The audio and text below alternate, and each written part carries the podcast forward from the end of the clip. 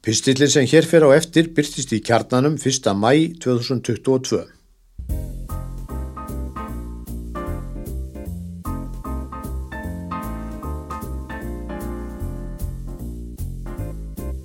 Ævintýrið um Carmen-rúlurnar Árið 1962 rak kaupmaðurinn Arne Bybjörg fjórar vestlanir í Kalundborg á Sjálandi.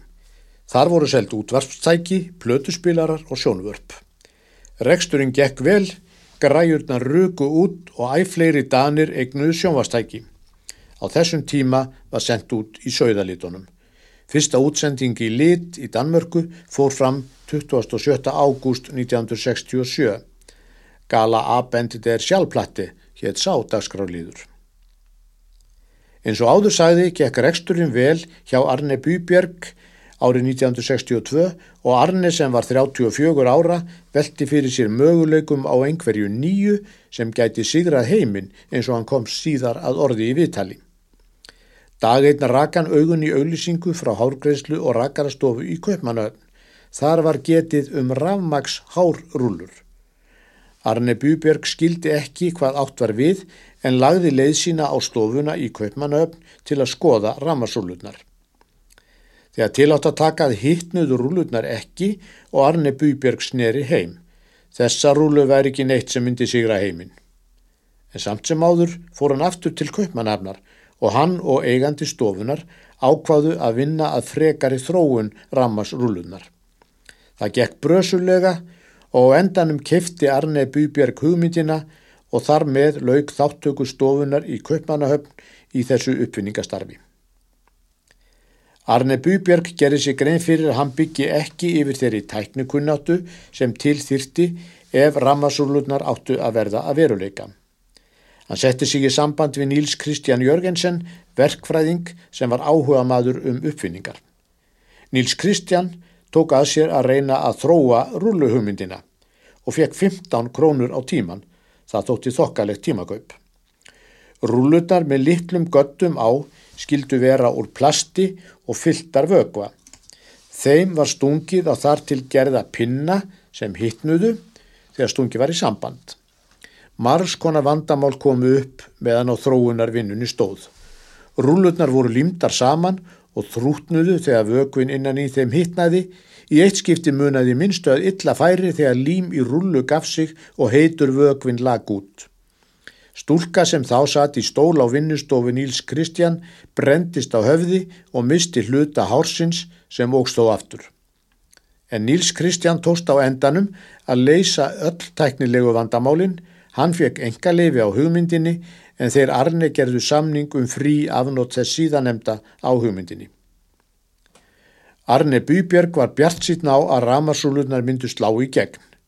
Hann fekk gluggaskreitingamann sem hann þekkti til að hanna hendugu boks fyrir rúlurnar sem ákveði var að skildu heita Carmen í hverju boksi ádján rúlur. Arne var stórhuga og leti fyrstu framleiða í húsnæði sem hann legði 10.000 sett. En þegar að því kom að selja rúlurnar síndu fáur þeim áhuga. Arne ákvað að stöðva framleiðsluna í bíli og fekk hárskeran Sören Unmak til að selja rúlurnar. Áður en Sören heldi sér í sölumennskuna ákvaðan að prófa rúlutnar þannig að hann vissi hvað hann væri að bjóða. Þegar Arne Búbjörg og Níls Kristján Jörgensen höfðu alltaf gengið út frá því að ramagsrúlutnar yfðu settar í blöytt hár eins og týðkast hafði með gömlu hárrúlutnar. Sören Önmak ákvað að prófa að setja rúlutnar í þurrt hár og viti menn virkaði fullkomlega. Sören gekk svo hús úr húsi í Kalundborg og kynnti karmenrúlunar. Jafnframt voru rúlunar og nótkun þeirra kynntar í veslunum. Skemsti frá því að segja að rúlunar seldust eins og heitar lumur.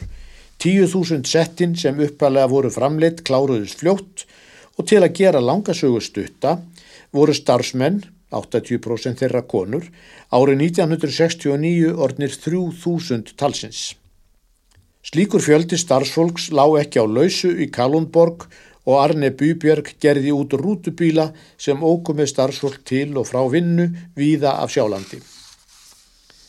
Bandaríkin urðu fljótlega stærsta markaðsvæðið og um miðjan sjöunda áratugin fóru daglega tvær flugvilar hvorum sig með tíu tonna farm af rúlum frá Danmörku vesturum haf.